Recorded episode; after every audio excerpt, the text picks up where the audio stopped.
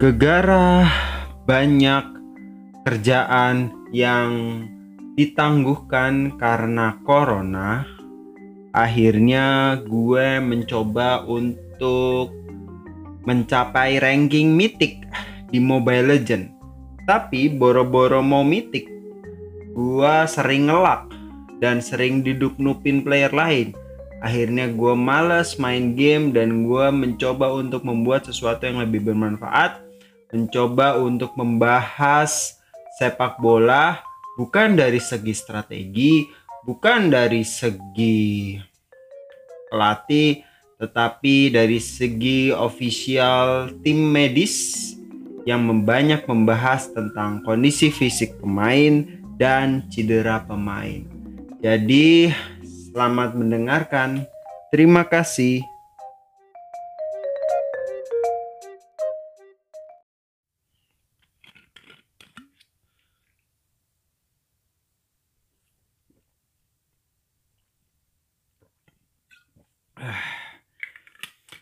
Oke, minum air dingin dulu. Gua nggak tahu kenapa bini gua suka banget naruh air dingin di botol ABC. Ini rasanya udah kayak tukang pecel atau tukang rujak. Rujak cingur nih suka naruh air di botol ABC. Gua nggak tahu kenapa. So, mari kita mulai podcast kita hari ini.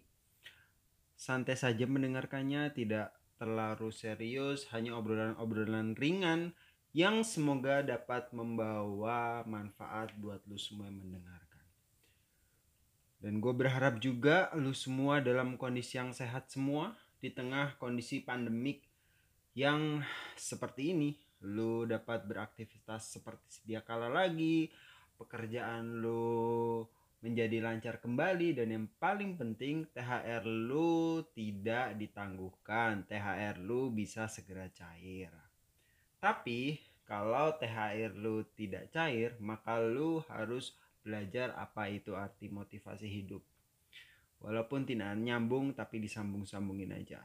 Jadi, kalau lu mau tahu apa arti motivasi hidup, harus banyak gaul sama pemain bola lu harus punya banyak bukan punya banyak sih ya nggak banyak banyak juga nggak apa-apa yang penting lu harus kenal pemain bola lah pemain bola profesional. Mereka bisa menjelaskan secara sederhana apa itu arti dari semangat pantang menyerah apa itu arti dari bekerja keras. Tanpa harus banyak ngomong-ngomong kata-kata mutiara tanpa harus banyak ngomong-ngomong kata-kata semangat. Serius itu, serius. Sama kayak uh, lu, walau kalau lu nggak punya teman harus main bola ya, lu bisa belajar dengan orang-orang yang sering jualan di pasar. Mereka bangun pagi, kerja keras, disiplin. Nah pemain bola hampir sama seperti itu. Kalau lu nggak kerja keras, kalau lu nggak disiplin, ya lu nggak akan jadi pemain bola. Belum lagi kalau tiba-tiba lu harus tabah dalam segala musibah, terutama waktu lu cedera. Hal ini yang kemudian mendasari gua untuk paling tidak gua harus berbuat lebih bagaimana caranya supaya mereka lebih termotivasi lagi ketika mereka menghadapi cedera. Maka gue berusaha untuk memperkenalkan mereka dalam tanda kutip memperkenalkan mereka pada tokoh-tokoh pada pemain-pemain sepak bola legendaris yang mereka bisa bangkit dari cederanya. Sehingga kemudian atlet-atlet ini atlet-atlet khususnya sepak bola berpikir bahwa mereka tidak pernah sendirian. Mereka harus memiliki semangat yang lebih tinggi lagi supaya cepat pulih. Contoh pertama dari legenda yang gue ambil adalah legenda pemain AS Roma yang namanya Francesco Totti. Kalau lu tahu Francesco Totti dan gue yakin lu pasti tahu Francesco Totti walaupun lu bukan penggemar bola banget tapi lu pasti akan tahu siapa itu Totti. Kalau lu dulu kecil pakai baju AS Roma pasti itu belakangnya Totti nomor 10. Itu udah pasti.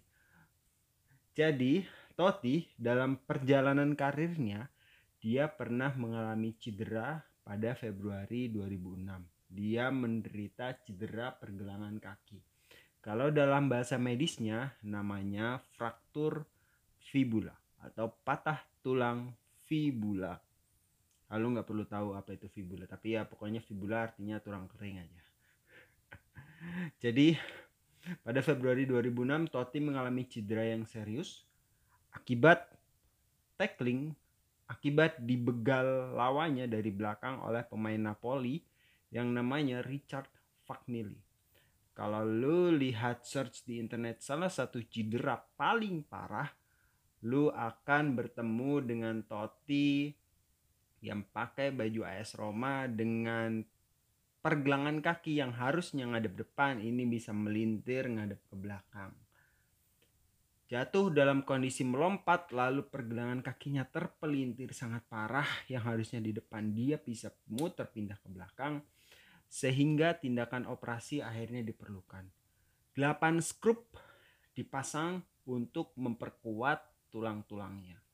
Untuk memperkuat patahan tulang-patahan tulang yang sudah nggak tahu kayak gimana itu bentuknya.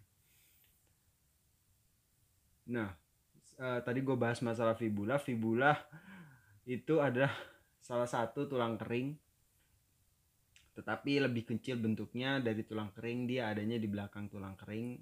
Walaupun lebih cepat pemulihannya daripada tibia tapi kalau melihat kondisi patah kaki yang dialami Totti murni patah kakinya bukan cuma pada tulang tapi pada ligamen. Ligamen itu uh, tali-tali uh, pengikat tulang lu biar tulang lu nggak ke mana-mana copot sedet tendon tendon itu kalau bahasa awamnya itu urat kalau lu makan bakso urat, nah itu bakso tendon.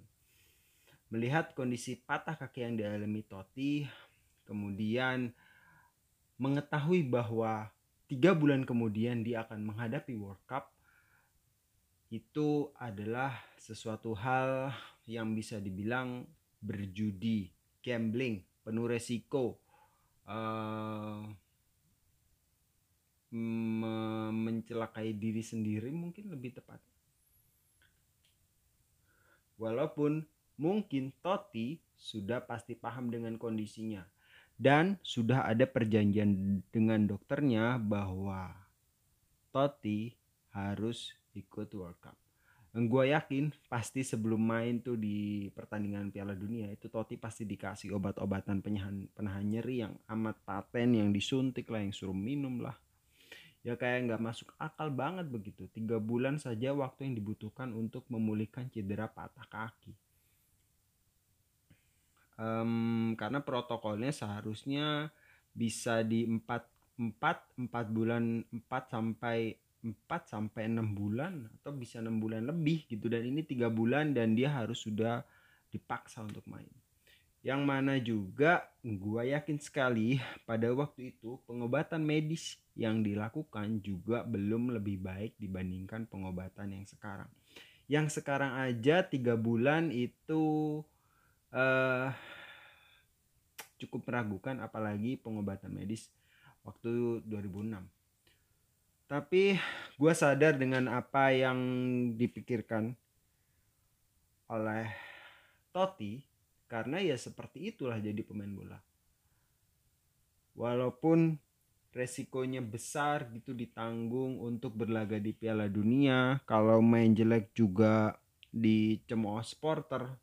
Padahal kalau perlu nyawa mereka begitu bisa dipertaruhkan demi sepak bola. Dan nyatanya Totti menerima resiko tersebut untuk membela tim nasional Italia.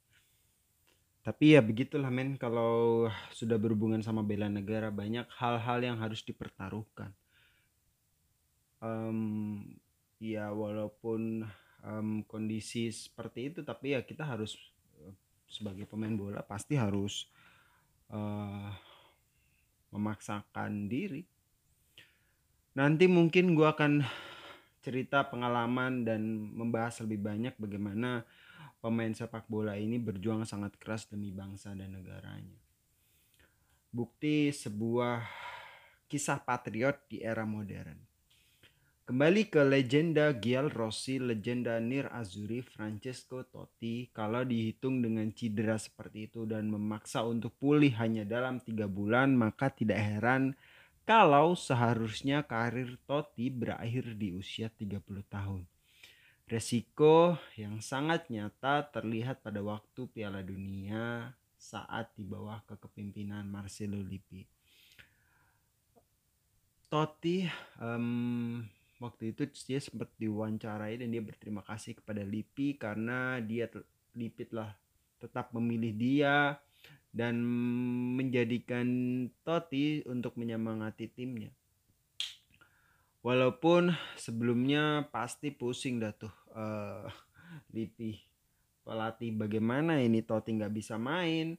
Banyak hal yang harus dipersiapkan untuk timnas Italia kalau ternyata Totti dia bisa mengikuti mengikuti Piala Dunia. Persiapan yang juga terkesan terlambat dari Italia maka pasti Italia akan kehilangan sosok penting. Namun keputusan besar telah dibuat Walaupun berjuang dengan kondisi kaki seperti itu, nyatanya karir Totti tidak berakhir di usia 30 tahun. Lebih dari 30 tahun dia akhirnya pensiun. Dan akibat dari semangat tidak menyerahnya dia karena dan keberanian untuk mengambil resiko, timnas Italia diganjar dengan kemenangan di final waktu itu kalau nggak salah lawan Prancis yang merupakan hal yang luar biasa bagi pemain bola menang Piala Dunia. Waktu gua juga ikut baca dan cari info-info tentang Totti dan uh, Totti dan cederanya sebelum menghadapi Piala Dunia uh, cukup merinding, cukup merinding dan cukup um, tidak habis pikir juga gitu. Walaupun secara hitung-hitungan medis ya memang belum seharusnya dia untuk main tetapi ada pemain yang sebegitu cintanya dengan profesi yang dijalani. Sangat amat luar biasa. Oke gue rasa cukup sekian dulu podcast dari gue cukuplah 10 menit. Nanti mungkin ke depannya kita akan buat lebih panjang lagi. Ya kalau lu betah dengar suara gua tapi kalau enggak ya 10 menit saja cukup. Oke terima kasih sudah mendengarkan. Thank you